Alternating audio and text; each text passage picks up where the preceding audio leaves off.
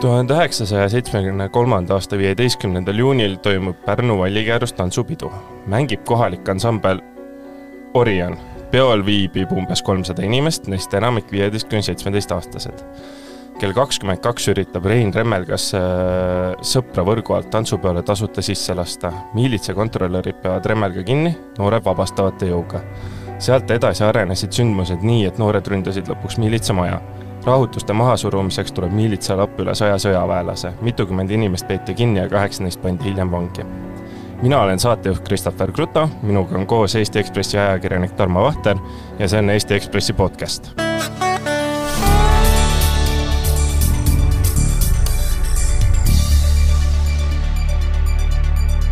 ja nüüd siis äh, tere, Tarmo! tere, tere! et äh, räägime siis jah, suurest loost, mis meil siis nüüd siin see nädal äh, Ekspressis ilmus, ehk siis äh, Pärnu rahutustest, mis siis nüüd juba üle viiekümne aasta tagasi aset leidsid. et äkki räägi alustuseks natukene täpsemalt seda, et äh, kuidas, kuidas see kõik algas? kuidas see kõik algas? No Eestis on olnud sellised massirahutusi kolmel korral, et tõepoolest, et viimati olid nad siis, kui nad olid kaks tuhat seitse, mida tuntakse pronksiööna, enne seda olid nad aastal tuhat üheksasada kaheksakümmend, siis kui Tallinnas lõpetati staadionil äh,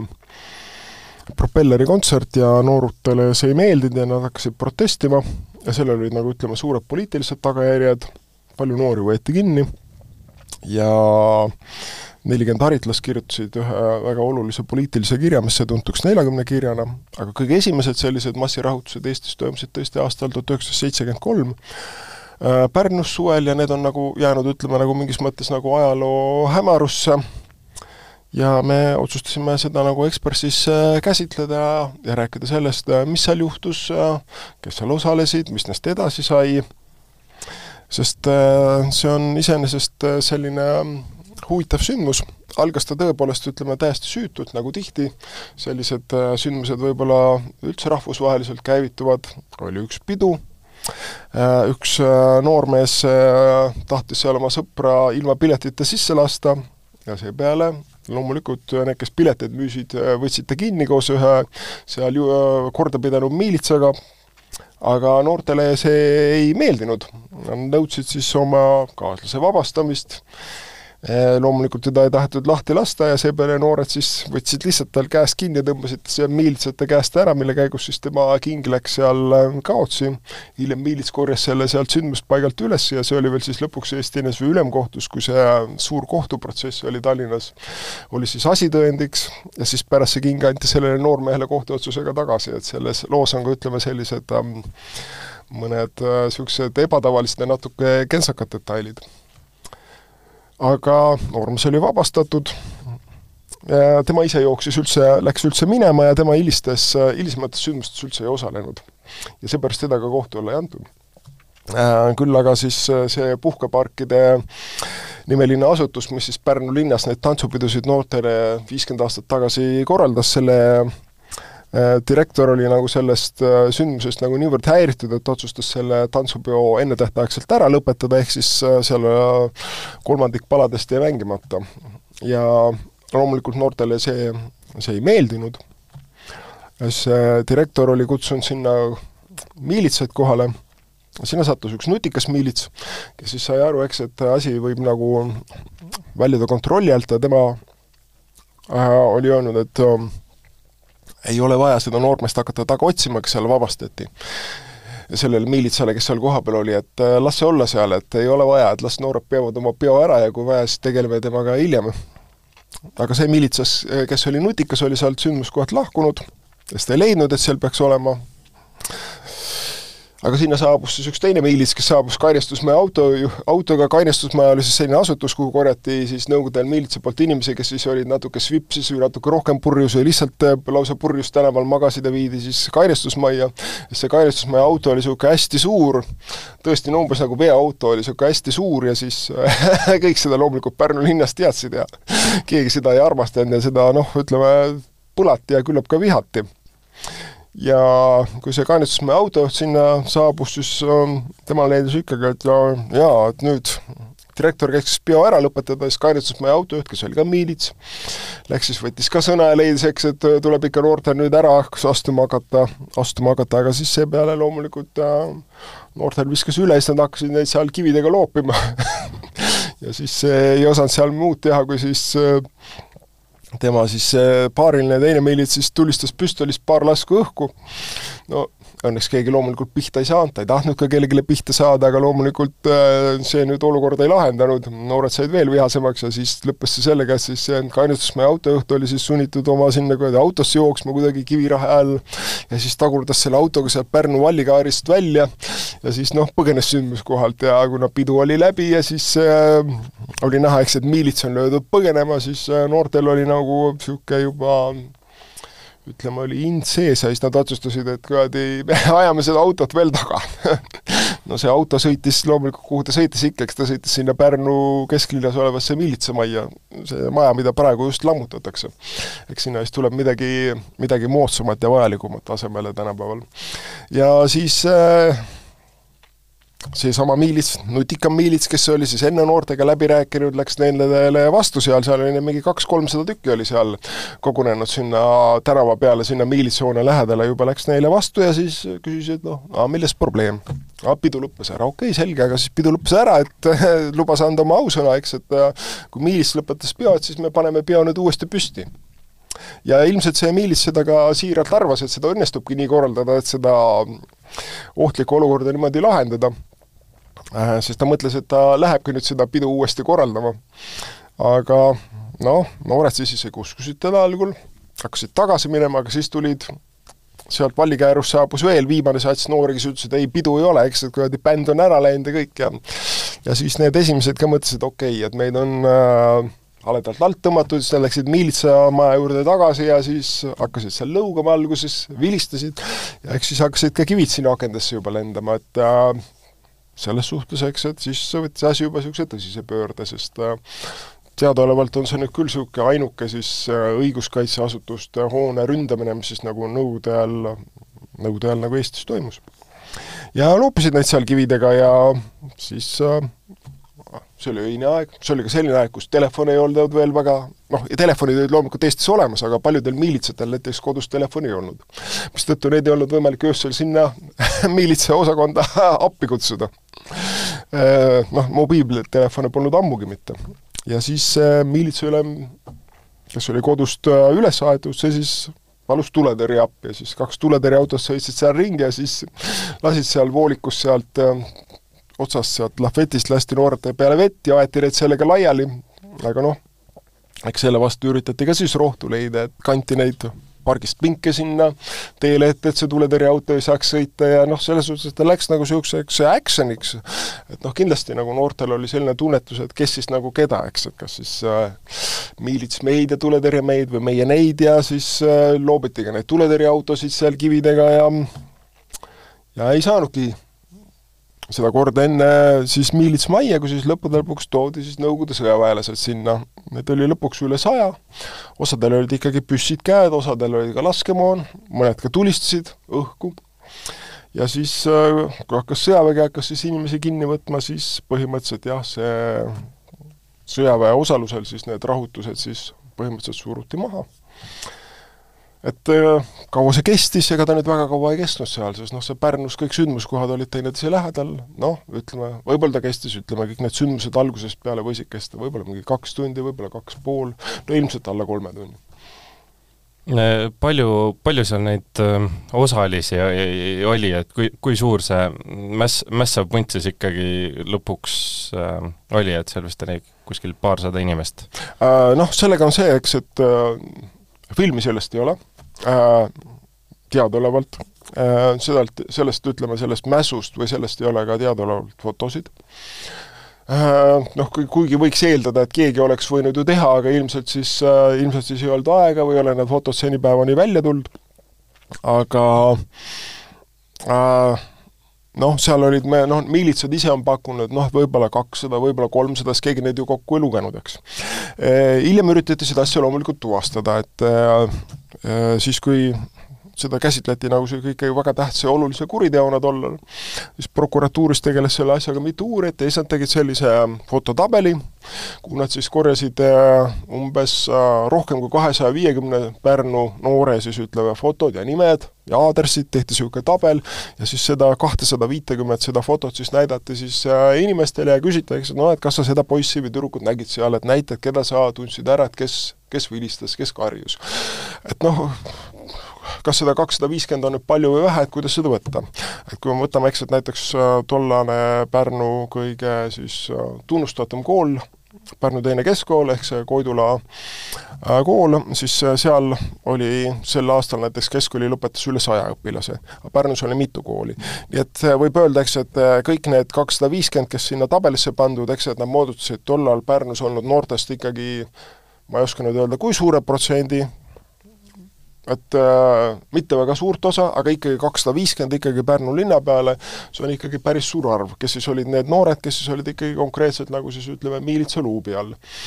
ja siis üritati tuvastada, et äh, kes siis olid nagu aktiivsemad ja tõepoolest kaheksa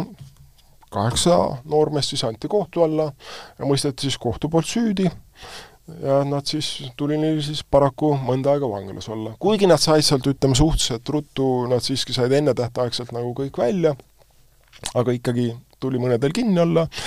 paraku, ja siis oli ka loomulikult siis neid, keda siis karistati nagu siis äh, koolis äh, noh, kõige leebem karistus võis olla see, et käitumishinne kaks näiteks pandi ja noh, milliseid äh, raskusi selle noore elus võis kaasa tuua, noh, seda on nagu raske öelda, eks, et see võis olla personaalne, eks, aga noh, neid, keda siis nagu ütleme niimoodi, kooli kaudu nuheldi, neid oli ikkagi, arv oli ikkagi mitukümmend, võib arvata.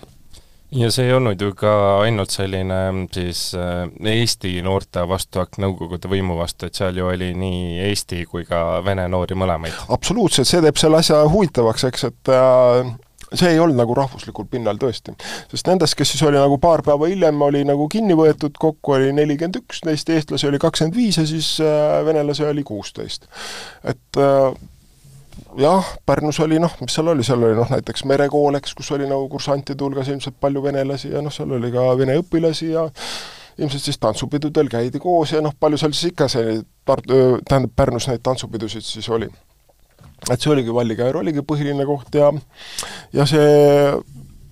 ütleme, eks, et see poliitiline iseloom tekkis äh, ikkagi sellele üritusele väga selgelt sel hetkel, kui toodi Nõukogude sõjavägi välja ja see ikkagi inimestele ei meeldinud ja siis nad hakkasid ikkagi juba konkreetselt selle vastu protestima. aga noh, enne seda, et see oleks nagu olnud poliitiline, seda ei saa nagu öelda praegu, jah. et pigem oli ikkagi, et sellised äh, pettunud noored hakkasid mässama, sest pidu lõpetati ära ja siis no nad tundsid, et nendega on käitutud ebaõiglaselt, jah. Jah, ja siis, kui, ja siis, kui juba miilits õnnestus põgenema no siis oli ju lahe neil. sest, sest nagu ikka noortel see asi käib, et veri läheb vemmeldama ja adrenaliin on sees ja jah, ja noh, seda ikkagi et ilmselt seda kõike ei oleks juhtunud, kui see pidu oleks edasi toimunud ja et see oligi ilmselt nagu niisugune käivitus nagu juhustest, aga eks seal muidugi all oli ikka mingi niisugune, võib öelda mingi niisugune kuradi üldine rahulolematus selle, ega see noh, vaevalt nüüd see, keegi seda vaevalt nüüd see miilitsa Kaineri auto kellelegi väga meeldis, et see oli kindlasti nagu niisugune punane rätik härjale või mingi selline asi, selge see et Ekspressil õnnestus ju päris, päris mitmete inimestega vestelda siis ka, kes siis nagu neid rahutusi pealt nägid või seal siis mingil määral osalesid, et et ega kui ma lugesin ka neid kirjeldusi, siis ega samamoodi, et see ei olnud nüüd äh, kohe inimestele selge, et me nüüd lähme Nõukogude võimu vastu, et see oli kuidagi äh, Jaa, see oligi üks meie eesmärk, oli see, eks, et äh, ühest küljest me leidsime, ütleme, arhiivist need uurimistoimikud,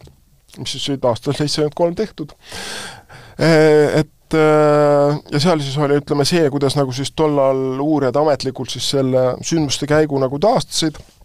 eks nad kuulasid, eh, põhiliselt see taastati ikkagi sellega ülekuulamistega, eks, et inimesed ja siis vaadati, mida nad räägivad ja kelle vastu nad tunnistusi annavad ja mida nad on näinud ja mida nad ütlevad, et mida keegi tegi,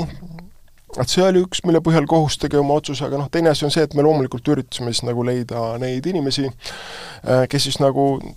nendes sündmustes osalesid ja eelkõige siis neid, kes olid siis selles äh, fototabelis ja küsida, eks, et äh, mida nagu nemad ütlevad, et need, kellega me rääkisime äh,, neid tegelikult kohtus süüdi mõistetud, noh, paljud olidki, ütleme, siuk-, tõesti nagu lihtsalt pealtnägijad ja kuidas nad olid sinna tabelisse sattunud, vot sellele kahjuks mina vastata ei oska, sest noh, selles tabelis kõige noorem inimene oli tollal kolmeteistaastane tänane tuntud laulja Juri Homenja, kes rääkis, ütleme, minu kolleegile Külli-Riin Tigassonile, kuidas ta tõepoolest noh, neid sündmuseid nägi,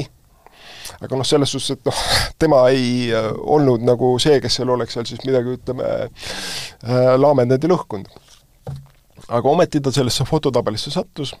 aga vot need uurijad, kes seda fototabelit siis kokku panid ja seda asja uurisid, need on meie hulgast lahkunud et viimane neist käesoleval aastal, ja ka see prokurör, kes andis nad siis kohtu alla, need, kes anti kohtu alla, Gabriel Hasak, kellest hiljem sai kuulus väliskommentaator, tema lahkus ka sel aastal ja noh, kahjuks kahjuks ma ei hakanud seda lugu tegema sel hetkel, kui nendega oleks olnud veel rääkida, sest ma usun, et noh, nad oleksid kindlasti osanud rääkida mingeid selliseid asju, mida seal paberites omal ajal kirja ei pandud ja aga mida me saime rääkida, Nad olid need osavõtjad ja siis äh, ka tollane Pärnu miilitsa äh, uurimisjaoskonna juht, kes oli tööl öösel juhtumisi siis operatiivgrupi ülem ja äh, tema ka natuke nagu meenutas tollaseid asju, et ütleme,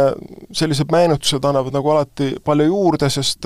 inimesed nagu tihti mäletavad mingeid asju, mida omal ajal kas ei pandud kirja või tahetud kirja panna või peetud oluliseks. Et niimoodi siis me üritasime sellise tervikpildi kokku panna ja et natukene sai seal räägitud ka sellest, et kuidas neid kinnipeetuid siis äh, koheldi, et see ju ka tegelikult oli ikkagi päris äh, jõuline, kuidas, kuida-, kuidas siis nendega käituti? Äh, ja seal Külli-Riinule need äh, mõned noored äh, rääkisid tõesti, mis nendega oli sees juhtunud, et see kindlasti ei no ega, ega tollal ka ütleme tegelikult miilits ei tohtinud kinnipeetavate puhul nagu füüsilist jõudu kasutada, kui selleks ei olnud alust, aga aga tollal kindlasti mindi sellest piirist üle. et, et, et jah, ma lugesin mingeid detaile, et kuidas enam-vähem, et kõik, kes sinna miilitsamajja hiljem viidi, et kuidas ukse peal pandi maksahaak neile ja kuidas silmade kõrguselt inimesi alla kukutati, et et aga eks, eks, eks seal kindlasti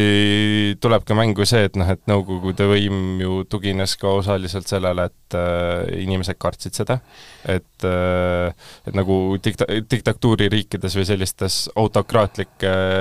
võimuga riikides tihtipeale on, et, et eks ilmselt seal ka anti, ma usun, mingeid juhiseid või asju, et noh, et tehke selgeks, et rohkem sellist asja ei ole, et võib-olla natukene väänake käsi ja ma ei oska sellele küsimusele vastata, sest noh, äh, ilmselt see, ütleme, see nagu esimesed äh, ajad kohe pärast seda miilitsmaja rünnakut ilmselt seal tollal, ma ei tea, kas keegi nagu mingeid käsklusi väga andis, ma ei oska seda öelda, seal võis olla ka lihtsalt niisugune spontaanne, spontaanne tegutsemine, et kui keegi oli saanud kiviga pihta, siis ta võis ka oma seda frustreeritust välja elada noorte kallal, et ma ei tea seda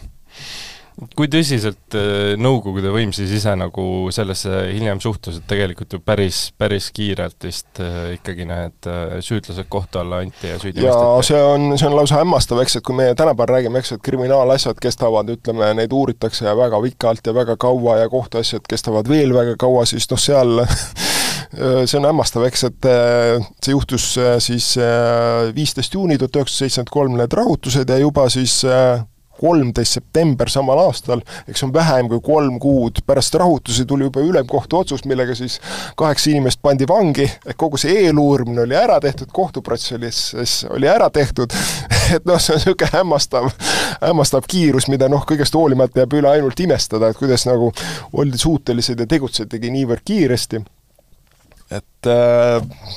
ja, ja seejuures see kohtuprotsess kestis ikkagi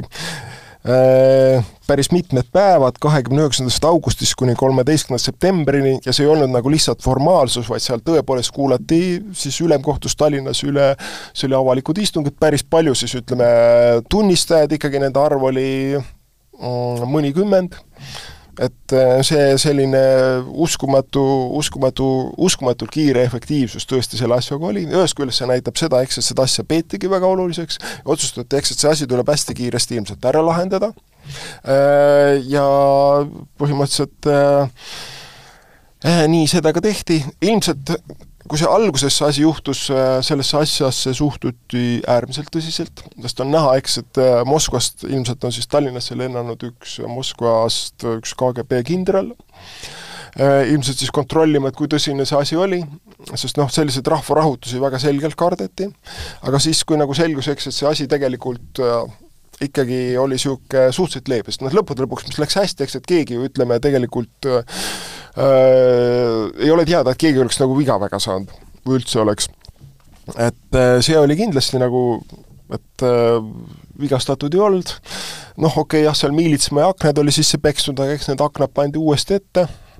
ja lõppude lõpuks ütleme, see, see rahaline kahju, see oli ka vastas, oli mingi üle kahe tuhande rublase vastas nagu siis ühe Eesti töötaja või teenistuja siis äh, keskmisele ütleme ühe aasta ja mingi nelja kuu palgale, et ütleme, et kas see rahaline kahju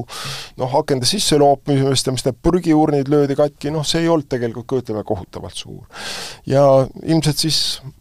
siin ma nüüd natuke oletan, et jõutigi järeldusele, et noh, okei okay,, et siis äh, oli, et siis äh, loomulikult karistame, aga siis edaspidi siis nagu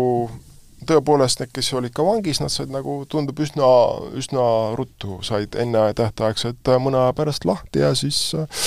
katsuti ilmselt see asi ära unustada. jah, et selles suhtes jumal tänatud, et äh, tõesti, et näiteks need äh, laskmised ja asjad, et et lasti õhku või kui ma ka lugesin loost, et ühes kohas, kus oleks võinud juhtuda selline traagilisem laskmine, seal relv kiilus kinni. jaa, seal oli tõepoolest üks hetk, eks, et kus üks äh, äh, Eesti mees äh, hakkas protestima siis, kui ta nägi, eks, et sõdurid viisid seal äh, noori ära ja ja siis äh, seda siis äh, sõdurite rühma juhtinud siis äh, Lipnik äh, noh, eks see oli niisugune pime aeg ka, igatahes äh, temal siis ilmselt äh, oli hirm nahas, loomulikult rahvas äh, oli väga selgelt sõdurite suhtes vaenulikult meelestatud, loopis need kividega, karjus nende peale, et teid pole siia vaja ja nii edasi, ja siis see Lipnik oli üritanud õhku tulistada enne, noh, ta püstol ei töötanud ja siis ta tõepoolest üritas siis seda püstolist ka seda meesterahvast tulistada, aga ta püstol õnneks jälle ei töötanud. Äh, nii et äh, tänu sellele tõesti selles asjas ei olnud ohvreid et äh, aga jah, see et jah, võib öelda küll, et see asi läks nagu selles suhtes, läks ikkagi kohati väga-väga napilt, aga noh, õnne peab ka olema. jah, et selles suhtes ma arvan, et, et nii rahutuste enda mõttes oli hea, et seal seda sellist tõenäoliselt traagilist lasku ei olnud ja ma arvan, et tegelikult ilmselt ka Nõukogude võim ise hiljem seda asja uurides mõtles, et jumal tänatud, et siin keegi ei surnud, sest noh, võib eeldada jah, võib eeldada jah, sest noh, eks neil oli ka nagu oli nagu lihtsam seda teha, et jah, et kui, kui oleks ikkagi juba kas või üks hukkunu olnud, et siis ikkagi ka see, ma arvan, et ilmselt noh, kohalike inimeste vimm oleks kõvasti suurem selle, selle noh, mahasurumise vastu? Äh, nojah, sellepärast eks, et massiliste rahutuste see paragrahv, mille järgi need inimesed kohtu alla anti, selle eest võis panna vangi kuni viieteistkümneks aastaks. aga noh, äh, kõige kõige pikem karistus oli tegelikult neli aastat. nii et noh, seal on nagu suur vahe, eks, et kas äh, ja noh, sellega kaasnes selle nelja aastaga ikkagi need inimesed lasti õnneks varem lahti kui, kui vaadata nüüd seda mm, sündmuse kajastust, siis äh, mm, nagu, nagu tol ajal kombeks, siis sellised ebameeldivad sündmused, et äh, kui vaadata näiteks Eesti kohaliku meedia kajastust, siis see sisuliselt puudus äh,? Päris ei puudunud äh,, et tõepoolest, et äh, kui need toimusid ära, eks äh, noh, terve Pärnu linn sellest rääkis ja küllap need jutud levisid ka ütleme, Pärnust kaugemale, selge see, eks, aga sellist kajastust ei ole. Ja siis me ühel hetkel loeme, eks, et seal Pärnu lehes, mille nimi oli mis ta oli, Pärnu kommunist, seal siis on võtnud sõna keegi naismiilits, kes siis ütleb jaa, eks, et vallikäärust tantsida on, no see on väga tervitatav, aga et seal ei oleks nagu niisuguseid palasid, mis siis mõjuvad noortele ekstaatiliselt. Et no vot, ma ei tea, mis palad need olid, mis siis neid ekstaasi nagu viisid, et siis on näha, eks, et see tõlgendus oli see, et seal oli siis mängiti ilmselt vale mu-, valet muusikat, mis siis nagu mõjus halvasti noortele, et vaat ei tea, mis laulud need olid kahjuks, aga äh, sellest, kui see kohtuotsus oli nagu ära tehtud, siis on,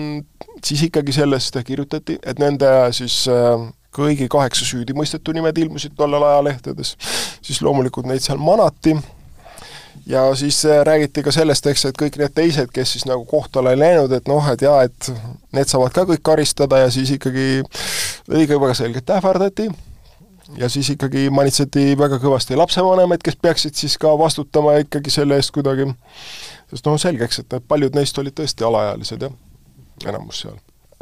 Ja kui vaadata nüüd seda, kuidas siis äh, väliseestlaste lehtedes seda asja kajastati, et vist saite lugeda, et kuidas ja... Rootsis siis Eesti Päevaleht vist oli see no eks sinna levisid sellised kuulujutud nendest sündmustest ja noh, need ei olnud nagu siis äh,, seal oli nagu tõeseid elemente ja siis oli pandud sinna veel, ilmselt see info oli nagu ikka telefonimängust ta moondub ja siis oli pandud veel nagu seda vinti kõvasti juurde, et seal nagu kõik enam, kõik enam nagu, nagu klassikalise telefonimängus äh, tõele ei vastanud. et seal oli jah, päris huvitav jutt, et kuidas Leningradis, Leningradist olid sellised parteilaste, laste, lapsed tulnud siis tahtnud tasuta peole sisse murda ja siis kuidagi enam-vähem, et nojah, seal see jah, sellega ütleme, et ei uurimise andmed ega ka need noored, kellega me nagu rääkisime, et nende jutt sellega nüüd küll kokku ei lähe. et aga, aga räägi natuke täpsemalt sellest ka, et äh, kuida-, kuidas see lugu sündis selles suhtes, et äh, sa natukene juba siin mainisid ka, et arhiivist õnnestus siis need uurimisdokumendid leida? Nojah, siis oli nagu asi lihtne selles suhtes, eks, et see, mis nagu tegelikult äh, tegi sellele loole nagu niisuguse, andis nagu jumet, oli see, et seal äh, uurimistoimikus oli väga palju, ütleme siis, fotomaterjali, ei olnud kahjuks, ütleme, filme, ju siis neid filme ei tehtud äh,, äh, helifaili ka ei olnud, aga tõepoolest seal oli palju fotomaterjali ja selle siis tuumik on siis ikkagi see fototabel, kus on siis kahesaja viiekümne ja natuke rohkema Pärnu noore siis ütleme, sellised portreefotod, mida siis kasutati nende tuvastamiseks, siis on ka ütleme, palju pilte pärast seda sündmuskohta, kus on siis uurijad on käinud läbi, eks ju, on pildistanud, eks, et seal miilitsemäele pannakse klaas ette,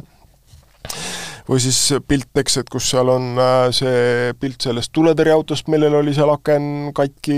siis või sellest äh, Kaineri autost, kus oli mingi mõlk oli tekkinud, et noh, see, sellised pildid, noh, mis nagu annavad sellele asjale juurde et äh, noh, ilma nende piltideta oleks seda lugu tegelikult ikkagi olnud nagu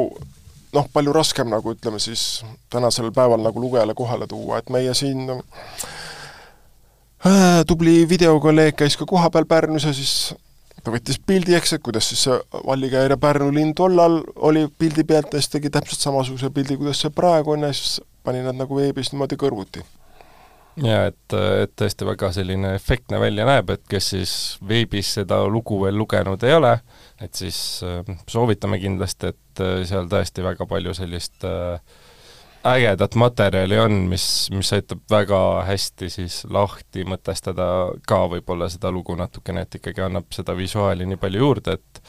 et üks asi on see tekst, mis seal loos on ja see, mis me siin räägime, aga tõesti need see pildimaterjal, ma ise ka vaatasin imestasin, et kuidas ikka nagu nii, nii palju nii ägedaid selliseid fotosid ja asju on saadud ja muidugi see kahesaja viiekümne kuue näoga tabel seal on ka väga selline efektne. et äh, aga see ongi Eesti ajalugu. jah, et, äh, et äh, ega, ega tegelikult ju see Pärnu rahutused on tõesti selline asi, et ega ta ju sellises äh, eestlaste kollektiivses teadvuses, niima-, teadvuses niimoodi otseselt ei eksisteeri. et, et ei ole selline murranguline sündmus, millest väga palju oleks räägitud, et äh, ega isegi enne, enne kui, enne kui kuulsin selle loo tegemist, ma olin kuulnud, et midagi on juhtunud, aga ega mul mingit väga sellist äh, detailset teadmist sellest sündmusest, pean tunnistama, et ei olnud. et äh, aga ma küsiks veel seda ka, et kust üldse see loo idee tuli, et kas need arhiivimaterjalid andsid selle idee või idee sündis enne ja siis õnnestus need leida? No eks ta oli kuidagi sümbioosis tegelikult, eks, et äh, äh, on ju igasugu selliseid huvitavaid, huvitavaid teemasid, mis on nagu eri aegadel juhtunud, aga Äh, see, kuidas nagu mingit asja saab nagu esitleda, nagu ütleme noh, tänapäeval näiteks just veebiajakirjanduses see ikkagi väga palju sõltub sellest, eks, et noh, millist, äh, millist materjali on ja kuidas seda on nagu võimalik illustreerida. et ikkagi, kui ütleme, et kui noh, neid sellisel kujul neid pilte ei oleks olnud, siis äh, jah, ma oleks saanud loo kindlasti teha, aga selles suhtes, et äh, siis äh, siis oleks sellest ikkagi noh, ta ta nagu kõnetaks, ütleme, tänapäeva inimest nagu paraku märksa vähem. et, et tänu pi-, nendele piltidele on nagu võimalus nendest asjadest noh, palju paremini aru saada ja need jõuavad nagu rohkem pärale ja ma veel küsiks lõpetuseks seda ka, et um, kui palju tööd lõpuks selle looga oli, et ma vaatasin ikkagi nagu veebis ka kõike enne seda mitut lugu, mis seal lõpuks siis sellest uh, tuli, et üks suurem ja siis need väiksemad sealjuures et, äh, et ikkagi seda materjali tegelikult, mis ka loo sisse on jõudnud tohutult, et ma kujutan ette, et mis siis nagu veel ka välja jäi, et ka seda materjali kindlasti, et oli palju. ei, eks ta ongi niisugune, ma ei teagi, kuidas seda nüüd öelda, eks ta ongi niisugune niisugune klassikaline protsess, eks, et materjali peab olema palju rohkem ja siis äh, lõpuks jääb sellest mingi kontsentraat välja, sest noh, ega me ei tee ju siin ju ütleme, sellist akadeemilist ajalooteadust, et kui me teeks akadeemilist ajalooteadust, siis me saaksime saaksime niisuguse palju suurema asja asja toota, aga aga meie eesmärk ei ole, ütleme, ei ole, ütleme siis äh, päris telliseid valmistada siin. just, mõne teemaga äh, vahel mõtled, et oh, et siit annaks täitsa raamatu välja kirjutada, aga, aga õnneks või kahjuks äh, kui me vähemalt nagu oma palgatööd teeme, et, et, et siis nii suurt mahtu ajalehtedes lihtsalt ei ole? Jah, noh, aga, aga ma arvan, et me, see, see, mida me nagu, kui sa küsid, et kaua see aega võttis, siis äh, ei, ma ei oska nagu niimoodi vastata, sest ega ma ei pannud ju stopperit käima ja ka minu kolleegid ka mitte, aga me tegime seda mitmekesi ja see oli niimoodi nagu pikalt üsna ette planeeritud ja noh, iseenesest selliseid asju on nagu huvitav teha, et eks me siis hakkame nüüd võib-olla mingit uut teemat otsima. No absoluutselt ja, ja tõesti, nagu ma varem ütlesin, et kes siis seda lugu veel ise näinud ja lugenud ei ole, et siis kindlasti soovitan, et no on ka paberlehes näeb päris äge välja, et aga kui on ka võimalus, siis kindlasti veebist üle vaadata, et seal neid ähm, lahendusi võrreldes äh, paberlehega on veel, et noh, täpselt see, et kuidas siis äh, sündmuskohad nägid välja toona ja praegu ja sellised ajajooned, mis siis aitavad päris hästi nagu vaadata, et mis sündmused siis millal toimusid, et kuidas see kõik arenes, et, et väga-väga suurepärane lugu ja tõesti au ja kiitus siis kõikidele. Noh, sulle, Tarmo, siis muidugi Külli-Riinule, kes siis ka seda kirjutas ja ka kõik teised mitmed-mitmed inimesed siis, kes, kes selle artikliga kõvasti vaeva on näinud. Ja selline oli siis seekord Eesti Ekspressi podcast. täname ja kuulake meid jälle järgmisel nädalal